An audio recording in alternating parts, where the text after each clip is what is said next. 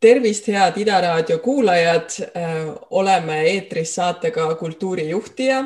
mina olen Maarin Mürk ja seda saadet veame koos Evelin Raudsepa ja Laura Tootsiga. oleme eetris korra kuus.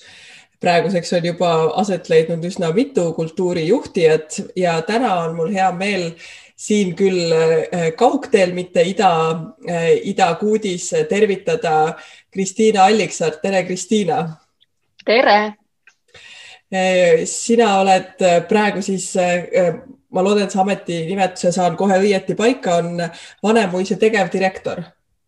teatrijuht, ma tegelikult teatrijuht. ametlikult juriidiliselt olen siis ainuke juhatuse liige, aga teatrijuht mm. -hmm. aitäh selle täpsustuse eest, aga ma arvan, et alustamegi oma intervjuud, et ma tahaksin tegelikult alustuseks küsida, et, et kui sa kirjeldaksid oma õpingute ja tööalast teekonda siis seni, kuni sinust sai Vanemuise teatrijuht? see on päris pikk teekond, ma ei tea, palju meil aega on ma olen pärit pisikesest kohast, äh, Olustverest, mis on Viljandimaal selline väike, aga väga väärikas ja pika ajalooga alevik ja, ja pika kultuuriajalooga. ja minu esimesed neli, neli kooliaastat möödusid koolis, mis oli selline tillukene, noh, vähem kui neljakümne õpilasega, imearmas väike maakool ja sealt edasi põhikooli läksin ma Võhmasse. Võhmas oli tol hetkel gümnaasium ja siis äh, ega ma liiga täpselt ei teagi, mis mul pähe hakkas või, või kuidas see sündmuste järjekord täpselt oli, aga ühel hetkel ma otsustasin minna katsetele Viljandisse Jakobsoni gümnaasiumisse, kus avati kõige esimene majanduskallakuga gümnaasiumiklass. ja sinna ma kandideerisin, osutusin valituks ja, ja siis oma gümnaasiumiaastad äh, veetsin ma Viljandis Jakobsoni nimelises gümnaasiumis majandusklassis ja selle majandusklassiga käis kaasas selline põnev pakett, et, et kui sa selle edukalt lõpetasid, selle klassi üks osa ainetest olid juba majandusained, nii et me saime süvitsi inglise keelt, süvitsi matemaatikat, pluss veel lisaks majandusained. nii et meil oli seoses sellega võimalus astuda otse teisele kursusele Tehnikaülikooli ärijuhtimisse. nii et ma jätsin justkui aasta vahele ja, ja üheksakümmend kaheksa, kui ma lõpetasin gümnaasiumi, siis me viiekesi minu klassist astusime siis Tallinnasse ärijuhtimist õppima ja äh, õppisingi siis kolm aastat, kuna muidu nominaalaeg oli neli aastat, aga ühe aasta mul õnnestus kokku hoida. pärast seda sattusin tööle ja see on jällegi pikem lugu, kuidas see nii läks, aga siis äh, tolleaegse nimetusega PDG kontserdisse, mis korraldas suuri põnevaid ja ägedaid kontserte ja aastal kaks tuhat üks ka Eurovisiooni Eestis, õigemini siis kaks tuhat, jah, kaks tuhat üks ja ähm, samal ajal olin ma, kuna ma olen noh, sealt Viljandi kandist pärit ja Viljandis gümnaasiumis käinud, siis ma olin vabatahtlikuks äh, Viljandi pärimusmuusika festivali juures. ja siis ikka suhtled seal ka nende inimestega, kes Kultuuriakadeemias õpetavad ja õpivad ja seal kaasa löövad ja, ja järsku sain ma vihje, et Viljandis avatakse selline eriala nagu kultuurikorraldus aga kuna see oleks olnud minu teine kõrgharidus, siis tollel hetkel see justkui oleks pidanud olema tasuline ja seda võimalust mul ei olnud, aga ma käisin ja tegin need katsed läbi. Äh, sai valida kaks eriala, äh, mille katseid teha korraga ja üks neist äh, oli tantsukunst, mis oli väga põnev, ka nädal aega neid katseid läbi teha, kuhu ma loomulikult vastuvõetuks ei osutunud, sest ma olin tolleks hetkeks ka absoluutne seenior selles seltskonnas olles nagu teise kõrghariduse katsetel ja, ja kultuurikorraldusse ma osutusin valituks, aga ma justkui siis loobusin algusest sellest kohast, kuni ma sain ühel hetkel kõne Kultuuriakadeemiast, see oli üsna augusti lõpus, et äh, on olnud mingi segadus ministri käskkirjadega ja kui sa soovid, siis sul on võimalus tulla praegu tasuta õppima. ja ma läksin, läksingi õppima Kultuuriakadeemiasse kultuurikorraldust ja samal ajal siis tööle ka juba täiskohaga Eesti Pärimusmuusika Keskusesse projektijuhina. ja Pärimusmuusika Keskuse lõpetasin ma turundusjuhi positsioonil, aga vahepeal jõudsin veel käia pool aastat vabatahtlikuna Sri Lankal läbi tudengiorganisatsiooni ISEC. lõpetasin Kultuuriakadeemia, astusin kultuurikorralduse esimesse lendu, aga seoses ärakäimisega Sri Lankal lõpetasin teise lennu. Ja sealt edasi oli üsna loomulik käik, et ma aasta hiljem astusin ka Muusika- ja Teatriakadeemiasse kultuurikorralduse magistrisse mille ma lõpetasingi kaks tuhat kümme ja, ja nüüd eelmisel aastal, siis kaks tuhat kakskümmend äh, oli aeg uuesti õppida, sest viimasest kooli lõpetamisest oli juba kümme aastat ja, ja nüüd ma siis õpin Tartu Ülikoolis äh, muutuste juhtimist ühiskonnas. Selline haridustee ja, aga sinu tööteekond, et sa natukene juba rääkisid nendest erinevatest positsioonidest, aga enne Vanemuise teatrit olid sa ju ka pikalt Ugalas. Mhm. ja noh, ma olengi olnud üleüldse selline aktiivne laps ja, ja ka mu perekond oli üsna selline hakkaja ja kogukonna sellised sädeinimesed, kes ikka püüdsid rahvast kokku tuua ja erinevaid eh, sündmuseid korraldada ja lahendusi leida nii et, et see kultuurikorraldus ilmselt on mu veres olnud kaua, aga jah, ma arvan, et mu esimene ametlik, ametlik töökoht järsku oligi Pärimusmuusika Keskuses. ma olin küll Olustvere lossis enne olnud ka abis seal igasuguste ürituste korraldamisel, siis lapsena juba. ja aga, ja jah, isegi tegelikult niipidi, et enne Pärimusmuusika Keskust oli ju PDG ja siis olin ma ametlikult Pärimusmuusika Keskuses, nii et tegelikult ma võingi oma kultuurikorraldaja karjääri alguseks lugedagi seda aastat, mis ma olin PDG kontserdis assistendina. ja äh, Pärimusmuusika Keskuse ajal ja kõrval ja pärast seda on mu teel olnud väga mitmeid erinevaid üritusi, mille kas alguse juures ma olen olnud või kaasa löönud alates Tallinn Music Weekist mil, mille juures ma olen esimesest aastast saadik olnud ja nüüd mõned aastad juba kahjuks enam mitte. aga ka Rabarokk või, või seesama pärimusmuusika festival ja mul on olnud suur au ja rõõm ka töötada näiteks Tallinna Filharmoonias peaaegu kaks aastat ka projektijuhina ja teha produtsendina kaasa ka Eesti Vabariik üheksakümmend presidendi kontsertaktuse korraldamine, nii et erinevaid selliseid plaatide väljaandmisi ja kontsertreise ja kõike seda on mu teele päris palju sattunud, aga ütleme siis, et suurem juhi kogemus tegelikult on mul siis aastast kaks tuhat kaksteist, kaks tuhat kolmteist, kui ma sattusin vedama sellist põnevat koguperefestivali nagu Puude taga on inimene. ja see oli suur juhus ja juhuste kokkulangevus, et mina selle festivali juhiks sain, ma absoluutselt ei läinud sinna esimesele kohtumisele sellise ambitsiooniga. aga ma julgen väita, et selle festivali või kogu perepeo õnnestumine, minu meelest oli see ikkagi väga suur õnnestumine, andis mulle julguse, et kui ühel hetkel äh, tulid inimesed, kes koputasid õlale, ütlesid, et kuule, et äkki sa kaaluksid seda Ugala juhi kohta, et konkurss tuleb ja äkki sa vähemalt mõtleksid selle peale, siis see eelnev kogemus andis mulle julguse üleüldse kaaluda Ugalat mm. -hmm me võib-olla edaspidi natuke räägime ka just nendest sammudest, et, kuidas sina juhina oled kujunenud. aga ma küsiksin, et kuidas sa enda jaoks oled mõtestanud, kes on juht üldse mm. -hmm. no minu jaoks vist kõige lühemalt öeldes on, on juht see, kes loob selguse. selguse, et kuhu me läheme, kes me oleme, mis on minu roll siin selles organisatsioonis. ja, ja püüab luua võimaluse, et kõik inimesed, kes selles organisatsioonis töötavad, saaksid oma tööd võimalikult maksimaalselt hästi teha mm. -hmm. see on juba väga hea selline juhtimisfilosoofia äh, kokkuvõte ka, et äh, kas sul on veel mingeid põhimõtteid, mida sa tooksid välja, millest sa juhina lähtud mm? -hmm. no ma kõigepealt ma lähtun absoluutselt sellest, et äh, mina ei ole siin majas kõige targem ja, ja seda ei, ei Ugalas, ei selle festivali juures, ei ühegi festivali juures, kus ma noh, küll ei ole nagu päris üldjuht olnud nende teiste juures, aga aga mulle väga-väga meeldib ennast ümbritseda minust targemate inimestega. sest äh, mina ei ole spetsialist teatris, kindlasti ma arvan, ei ole ühtegi valdkonda, milles mina oleksin tugevam spetsialist kui need mu kolleegid siin ümber.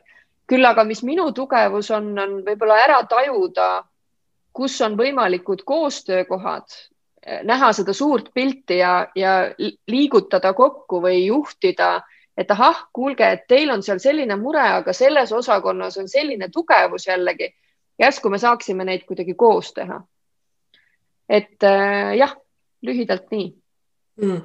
aga ma mõtlen, et äh, see, mis sa praegu välja tood, et äh, et ja, ja sinu töökogemust ka kuulates, et, et ma arvan, kultuuriväljal ongi öö, mitte ainult kahte tüüpi juhti, aga, aga võib tõmmata võib-olla selle veelahkme, et, et need, kes on kasvanud nii-öelda selle organisatsiooni seest ja on ise äh, nii-öelda teinud mingil hetkel selle aste spetsialistist, eriala inimesest juhiks saamisel ja teine variant on see, et sa tuledki just selle kultuurikorralduse tausta pealt ja nagu selle teise silmaringi pealt, et, et äh, kuidas sa ise tunned, et äh, sinu kogemuse järgi, et kas Äh, kuidas sinu nõu ja juhtimist äh, vastu võetakse, just võib-olla ka äh, sellised, sa oled ju läinud tööle ka nendesse kollektiividesse, mis on juba pikalt koos töötanud mm -hmm. ja, ja, ja nüüd sa pead tulema mõnes mõttes nagu kõrvaltvaataja pilguga ja hakkama juhtima, et kuidas see on õnnestunud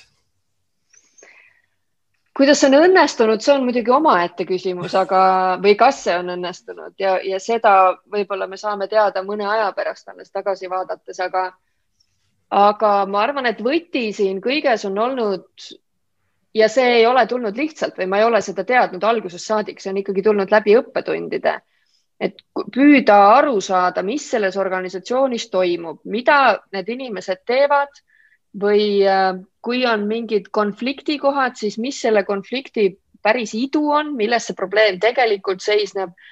ja ma arvan, et mis on minul teinud otsustamise või suunamise või toetamise mõnes mõttes lihtsamaks, ongi see, et ma ei ole tulnud spetsialistist juhiks ehk mul ei ole seda rollikonflikti majas mm. et oot-oot-oot, et me just olime võrdsed ja nüüd järsku sina ütled mulle, et mis ma pean tegema või mis ma ei või teha et, et see konflikt on jäänud ära, samas kahte teatrit võrreldes, mida ma juhtinud olen, siis Ugala oli minu jaoks kindlasti palju keerulisem selles mõttes just, et seal oli mitmeid inimesi, kes olid mulle kas väga head tuttavad, koolikaaslased, perekonnatuttavad, tundsid mu vanemaid ja vanavanemaid ja siis selles olukorras minna öelda, et ma väga vabandan, aga see ametikoht nüüd läheb näiteks koondamisele, siis see ületamine, mis sa sellel hetkel pead tegema, need on olnud väga-väga keerulised hetked ja samas on need kõige rohkem ka kasvatanud.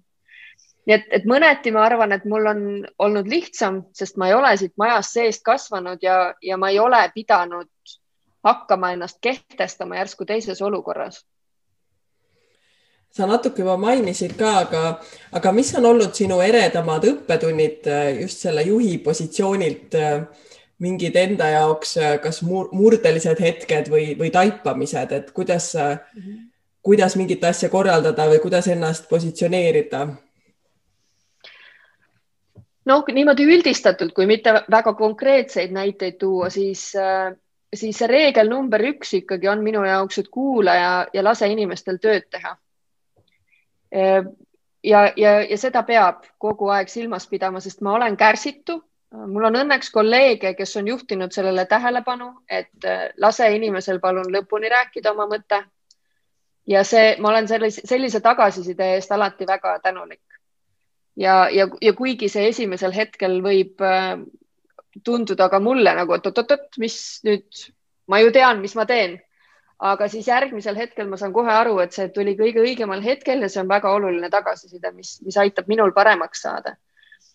siis teine selline oluline aspekt, milleni ma olen jõudnud ka läbi erinevate situatsioonide ja leidnud ühel hetkel ka artikli või sellise jah, ikkagi artikli, juhtimisalase artikli, mis on aidanud mul lahti mõtestada neid situatsioone ka, kuidas ma käitusin, on see, et et äh, kultuuriasutuses eriti, kuigi ma ei ole juhtinud ühtegi muud asutust peale kultuuriasutuse, aga rääkides ka teiste valdkondade juhtidega, siis inimesed siin on võib-olla mõnevõrra emotsionaalsemad või julgemad ka välja näitama oma emotsioone. ja millest see tuleb ja kuidas juht võiks või peaks käituma sellises olukorras, kus näiteks noh, on koosoleku olukord, tehakse mingi ettepanek, on vaja otsusele jõuda ja siis sul on väga kogenud kolleeg laua ümber, kes hästi emotsionaalselt eitab seda kõike, aga ta ei oska öelda sellel hetkel, et mis see on, mis, mis teda häirib, ta ei oska seda sõnadesse panna.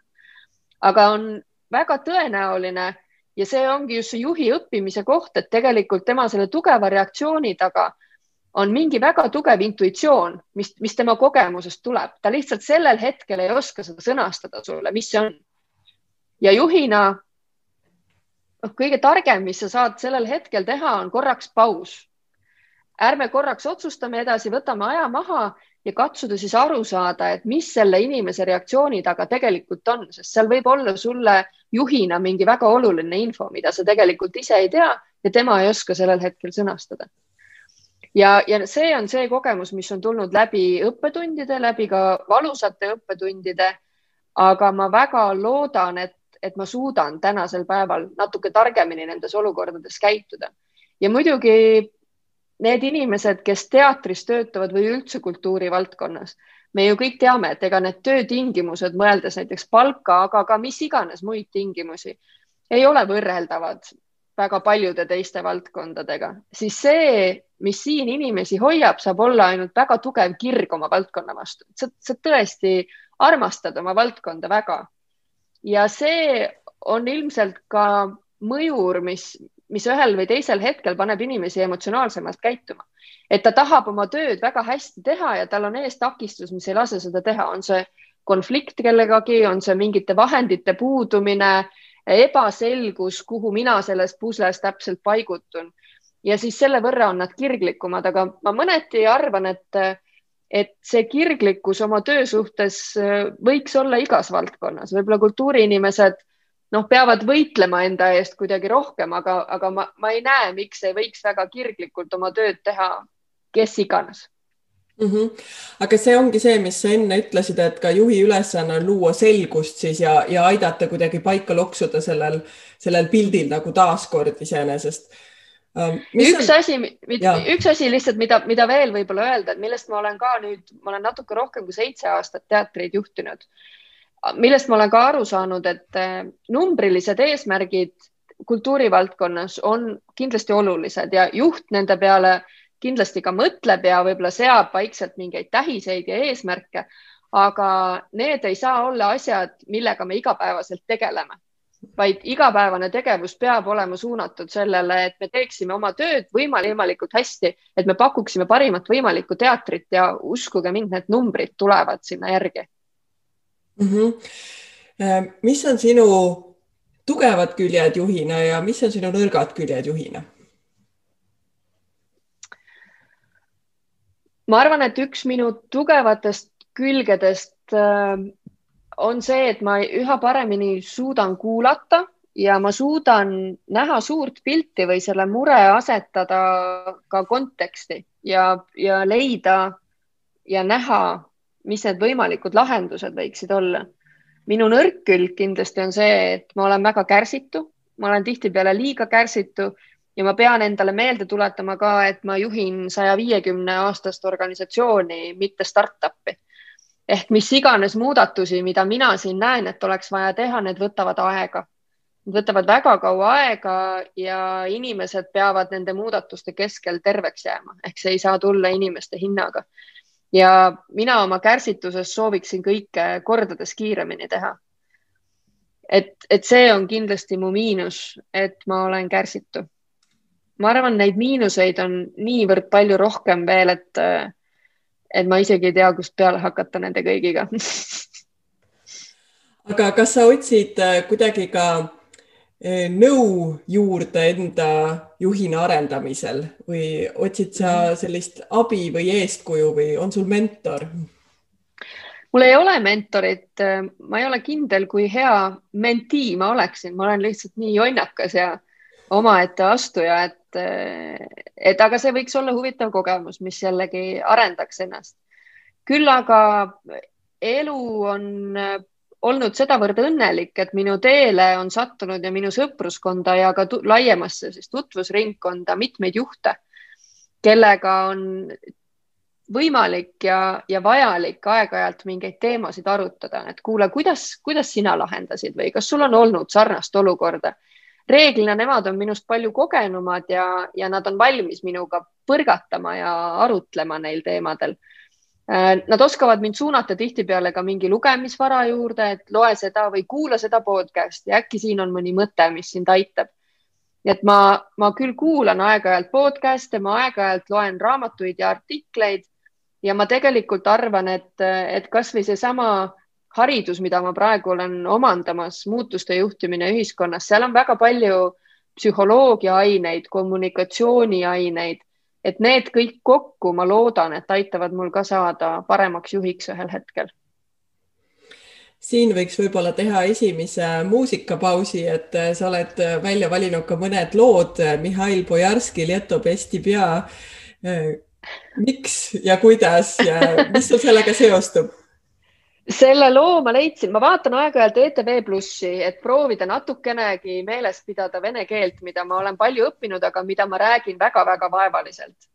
ja, ja see, see oli ühes ETV Plussi laulusaates, kus äh, kaasaegsed äh, muusikakollektiivid tegid äh, sellest loost oma variante.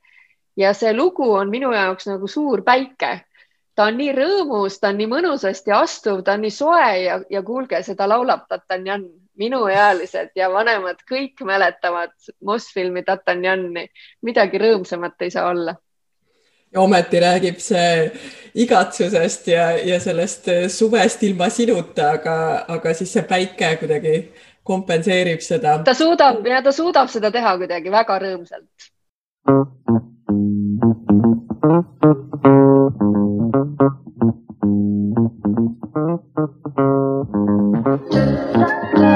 you.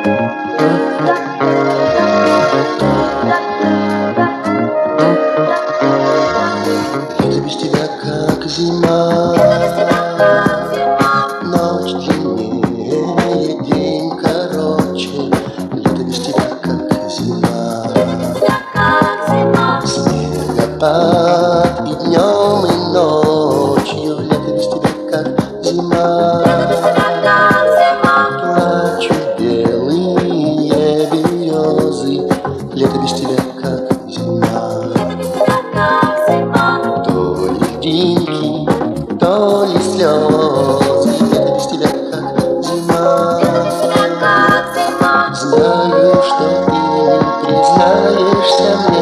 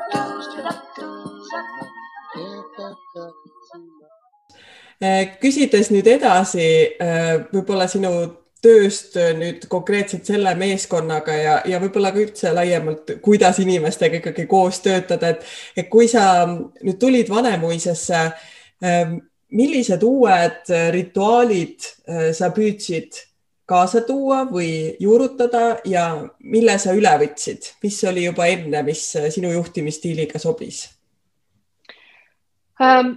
Vanemuine on saja viiekümne ühe aastane organisatsioon. Ja see on asi, mida ma endale korduvalt meelde olen tuletanud. Ja, ja see on ka see noh, mõnes mõttes nagu konflikti koht, lugedes toredaid kaasaegseid juhtimisteooria raamatuid, mis räägivad sellest, kuidas kõik me loome uue kultuuri ja kuidas me palkame inimesi ja kõik ja siis sa saad aru, et okei okay,, et organisatsioonis, kus on nelisada inimest, kellest äh, väga paljud on siin töötanud rohkem kui viiskümmend aastat ja see organisatsioon ise on üle saja viiekümne aastane, siis nii see päris ei käi. aga ma sain ühe väga hea vihje ühelt Tallinn Music Weeki paneelilt, kus, äh, kus sarnase olukorra kohta äh, õppejõud, kes seda paneeli läbi viis, ütles, et selge see, et sellises olukorras sa ei saa muuta organisatsiooni kultuuri üleöö, aga sa saad muuta kliimat ja, ja see on see, millest, millest ma olen alustanud ja millel tegelikult on varem või hiljem ja võib-olla ka praegu juba Vanemuise puhul, kuigi meil on jäänud vahele ka kriisiaasta, siis ikkagi mingi tuntav mõju. et sa sellega, kuidas sa ise inimesi tervitad, kõiki võrdselt, kuidas kõik on sulle olulised. kuidas sa, kui avameelne sa oled koosolekutel, millist tagasisidet sa ootad? noh, kindlasti siin majas oli mõnevõrra ootamatu see, et ma päriselt ootan, et inimesed laua ümber räägiksid ausalt, mida nad mõtlevad. et äh, me ei saa paremaks saada, kui me ei, ei anna üksteisele ausat tagasisidet ja ütleme siis edasiviivat tagasisidet. et, et sellised asjad äh, rida-realt ka võib-olla selgus, ma ei tea, koosoleku kollektiivides, et koosolek ei koosneks nii paljudest inimestest, et sellest ei saaks lihtsalt äh, juhi infominutid, vaid see oleks reaalselt koosseis, kus on võimalik midagi arutada, et see oleks nagu optimaalse suurusega, aga mis siin juba oli ja mida, mille ma üle võtsin ja mis on väga efektiivne ja oluline nii suure organisatsiooni puhul on äh, osakonnajuhtidega sellised üks-ühele kohtumised iga nädal. et on iga nädal on üks tund kindel kellaaeg, kus mina olen nende jaoks olemas. ja nad ise teavad, kas ja kuidas nad seda aega täidavad. mõned asjad panen ka mina kirja, et ma ei sega neid ülejäänud nädala jooksul, kui just ei ole mingi noh, loomupäraselt äh, noh, ikka tuleb jooksvaid kiireid asju, aga et kui on selline arutamist vajav asi, mis kannatab natuke oodata, siis see on see tund, mida me selleks kasutame. ja see aeg, kus ma kuulan ja olen olemas konkreetselt selle juhi jaoks alati ja iga nädal. et see on, ma arvan, üks praktika, mille ma üle võtsin, mis oli enne mind juba loodud siin äh, kuidas on lood tagasisidestamisega, et millised kanalid sa oled avanud, et sulle saaks tagasisidet anda, kuidas sina annad oma oma meeskonnale ja tervele kollektiivile eh, kõik arenguvestlused või muud sellised tööriistad, et mida mhm. sina kasutad? Äh, tunnistan, et arenguvestlustega Vanemuise teatris me seni algust ei ole jõudnud teha, sest äh, ma asusin tööle augustis kaks tuhat üheksateist ja märtsis saabus teadagi, mis. ja arenguvestlused on sellised äh, kokkusaamised, et ma keeldun neid Zoomi teel tegemast, need need peab olema või võimalik kõigil teha üks-ühele kohtudes ja turvaliselt ja, ja sisukalt ja rahulikult. nii et arenguvestlusteni me jõudnud ei ole, aga tagasiside või, või edasiside kuldreegel on ikkagi see, et head ütle kõigi kuuldes ja kui on halba öelda või kriitikat teha, siis seda tee omavahel ja, ja see on kuldreegel, mida iga juht peaks, ma arvan, küll meeles pidama või siis ütleme nii, et see on see, kuidas ma soovin, et minuga käitutaks ja siis ma käitun sarnaselt ka teistega. aga veel mingid rituaalid äh, Vanemuises, kas mingid ühised suvepäevad, koos aja mhm. veetmine mm, -hmm. kuidas see tiimi loomine teil käib? No vot, sa küsid seda täpselt sellel ajal, kus ma ei ole saanud mitte midagi peaaegu teha. Sest see noh, see aeg on täpselt olnud selline, nagu ta on. Vanemuisel on oma traditsioonid, on, on hooaja avakoosolek, millega käib kaasas kindel tseremoonia, on hooaja lõpukoosolek, millega käib omaette tseremoonia kaasas, on jõuluklögi. Jõuluklögi me saime sellel aastal teha nii, et me kogunesime Vanemuise väikese maja hoovis ja hoidsin pöidlaid igatepidi pihus, et see oleks võimalikult turvaline variant, sest inimesed tõesti ei olnud nii kaua näinud üksteist ja saanud reaalselt kokku ja see oli erakordselt tore, isegi natukene lumekirmet sadas maha ja see oli jõululik ja soe ja südamlik ja noh, nii tore oli kõigiga kokku saada. Äh, Vanemuise teatri traditsioonide hulka kindlasti kuulub Eesti teatri üldine traditsiooniline ka teatripäev kus teatrid saavad kokku ja kuhu on alati tore, ega noh, kui tihti seda pidu siis Tartus ikka tehakse, et on tore kõik ühte suurde bussi kokku panna ja, ja sõita peole, et see on juba omaette traditsioon ja selline meeskonnaüritus või ühisüritus.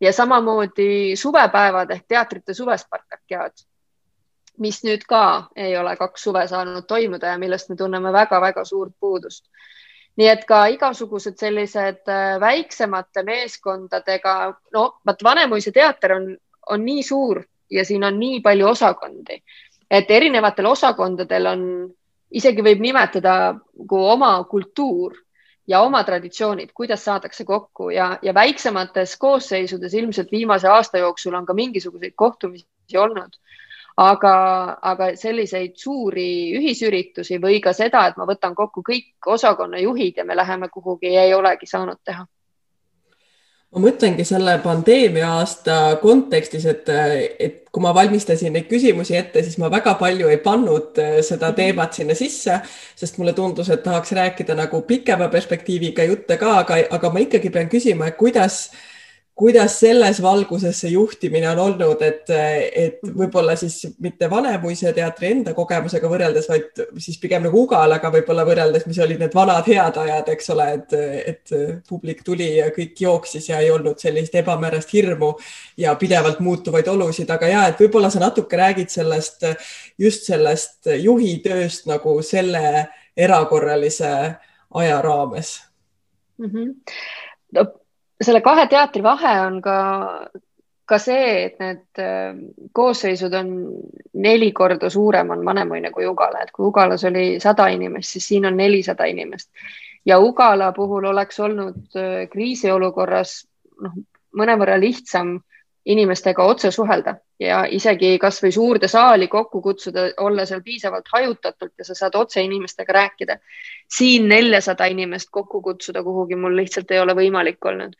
ja siis on äh, tulnud kasutusele võtta erinevad muud meetmed, et äh, äh, asi, mida ma alustasin eelmise aasta märtsist siis või äkki aprillis, no üsna alguses seal Vanemuise teatril on äh, traditsioon iga reedene infokiri ehk meie sisekommunikatsiooni vahend ja ma hakkasin sinna infokirja sellist päist kirjutama või sellist meelsust või mingit noh, et, et mingitki sidet hoida kõigi inimestega, et ma olen majas olemas.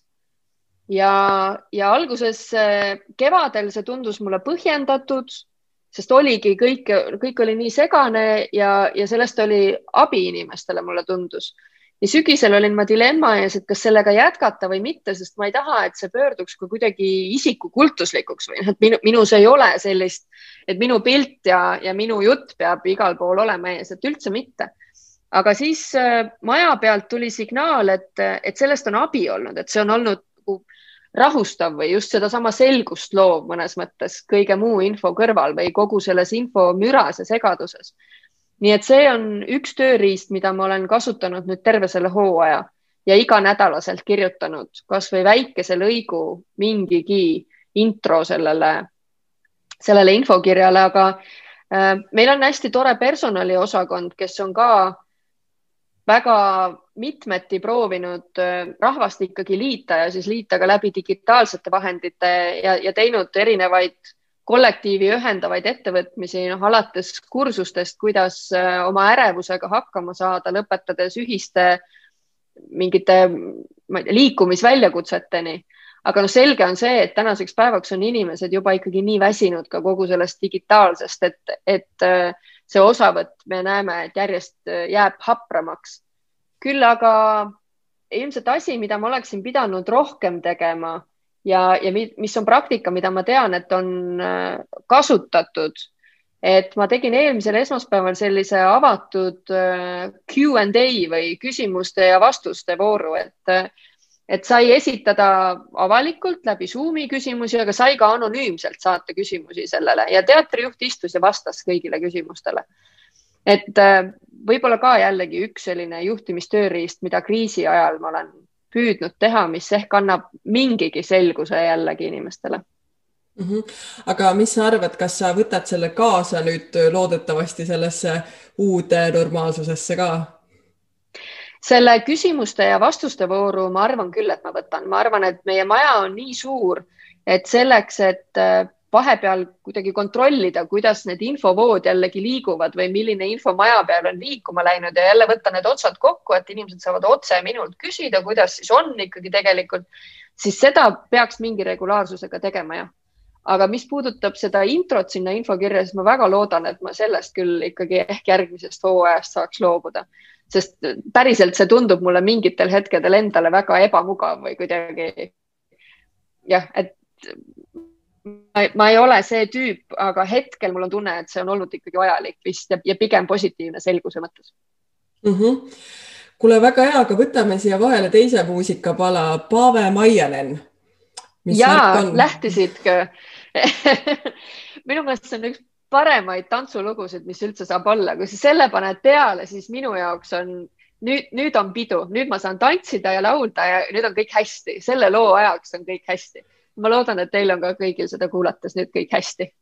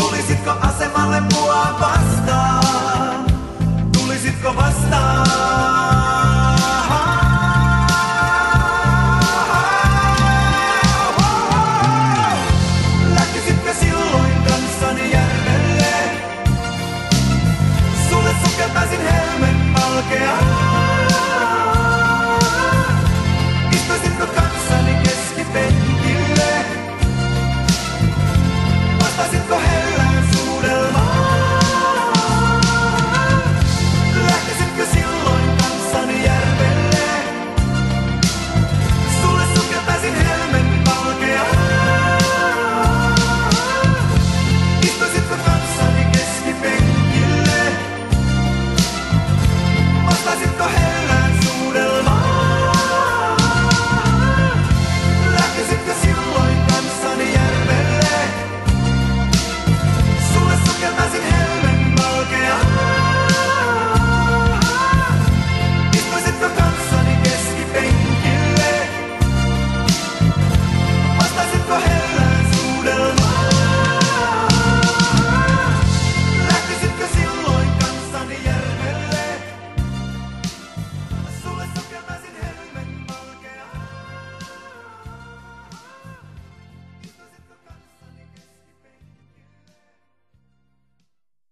Absoluutselt, ma arvan, et see tõmbab päris hästi käima.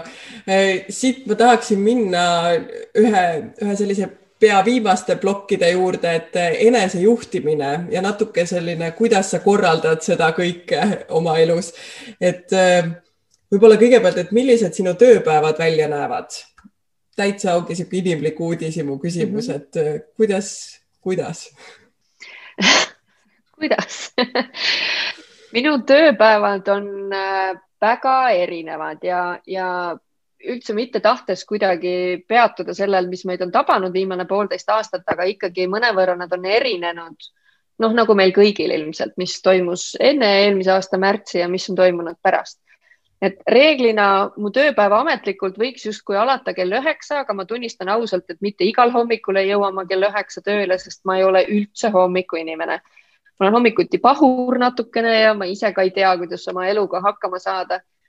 ja siis, äh, kui ma majja jõuan, käin ma kõigepealt läbi oma päevakalendri, vaatan, mis mind ees ootab, katsun ette valmistada, vaatan, kas ma jõuan ühte või teist asja koosolekute vahel ette valmistada.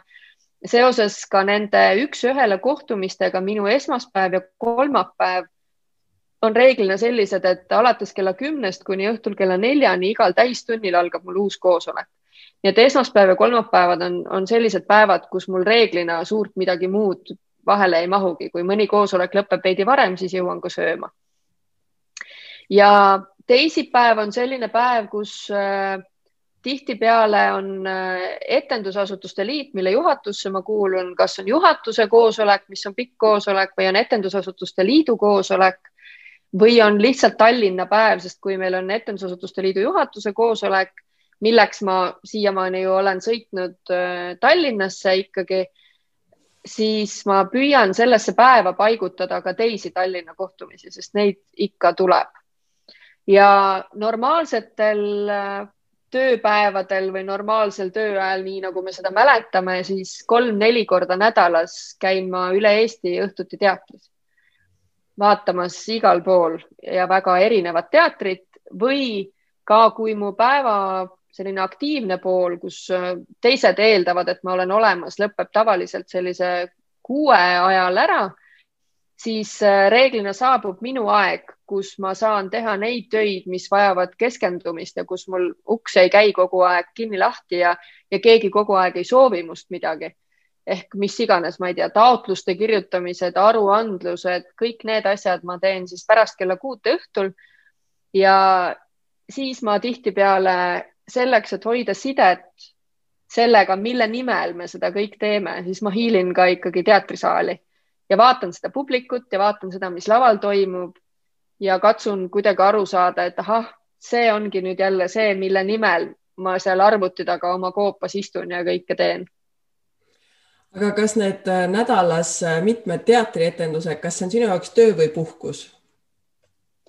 ma arvan, et ta on mõlemat, ta on töö selles osas, et äh, mulle meeldib olla kursis mis toimub Eesti teatris, milliseid töid teevad ka, ma ei tea, kunstnikud, helikunstnikud, milline on mingi lavastaja käekiri, et ma oskan vähemalt aru saada, kui meie majja tuleb üks või teine kunstnik oma tööd tegema, et mida see umbes võiks tähendada või ma, ma adun seda natukene.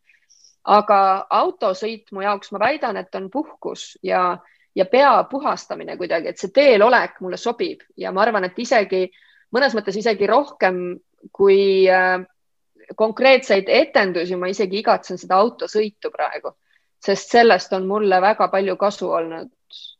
Just selleks, et oma pead puhastada ja kuidagi analüüsida ühte või teist situatsiooni või päeva või olukorda või.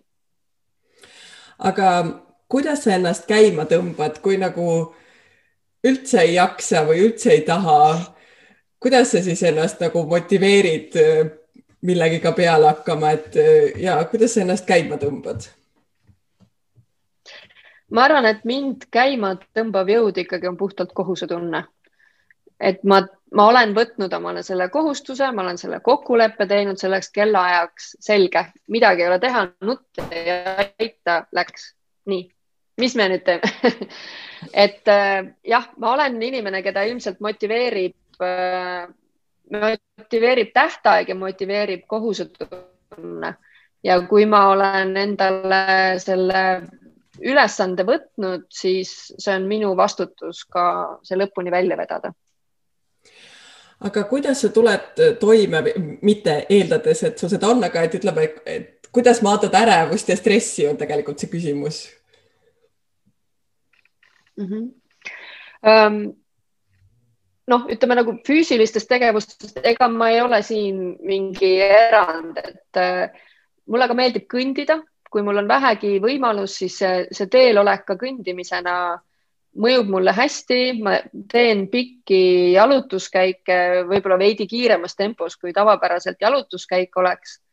Ähm, seesama teatri vaatamine kindlasti on minu jaoks stressi maandamine teistpidi Mm, mingitel hetkedel ka jälle lugesin kusagilt, et, et kui sa oled stressis või pinges, et siis sa ei otsi ka näiteks televisioonist midagi uut ja, ja põnevat ja erutavat, vaid just midagi kindlat ja vana ja turvalist.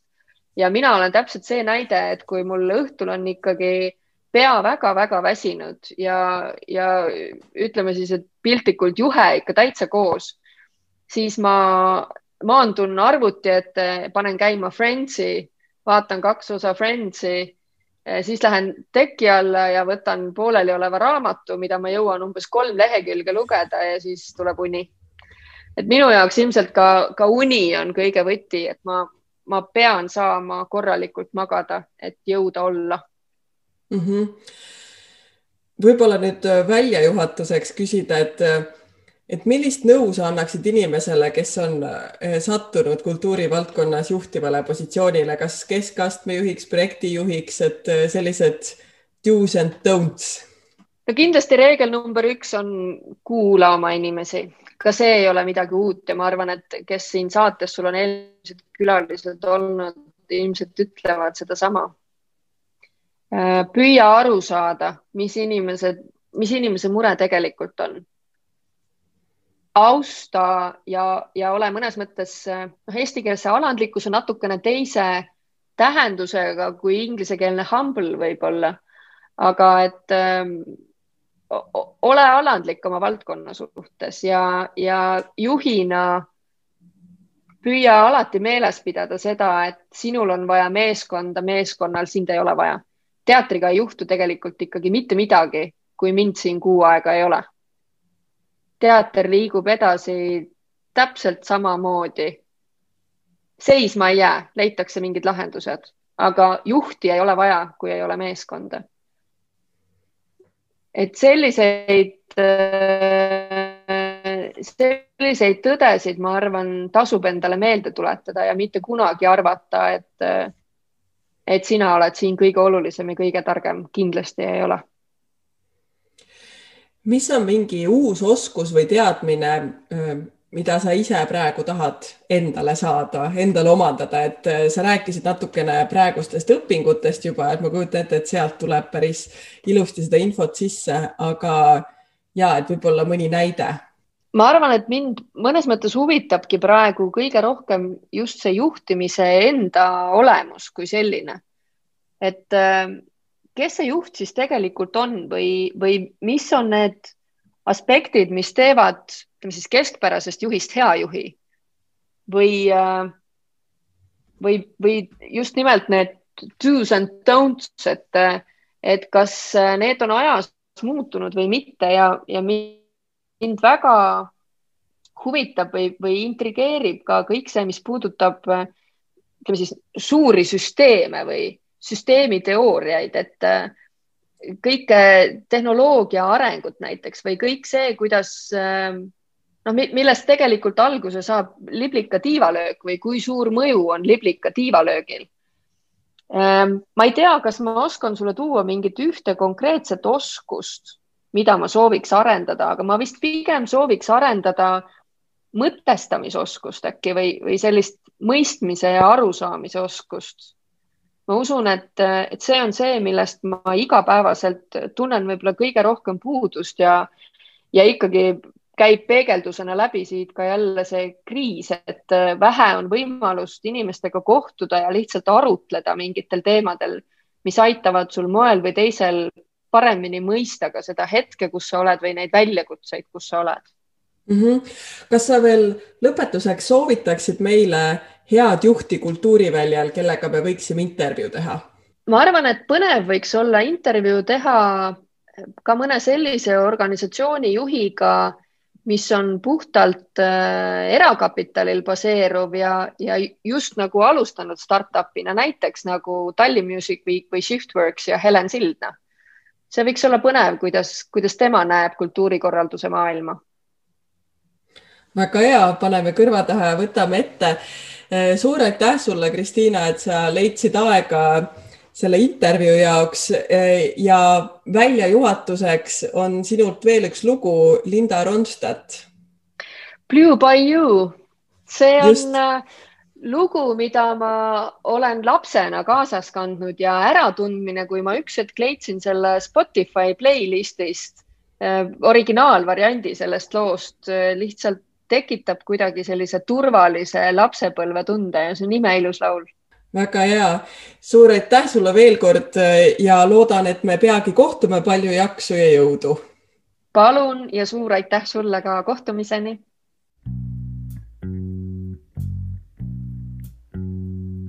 I feel so bad, I got a worried mind.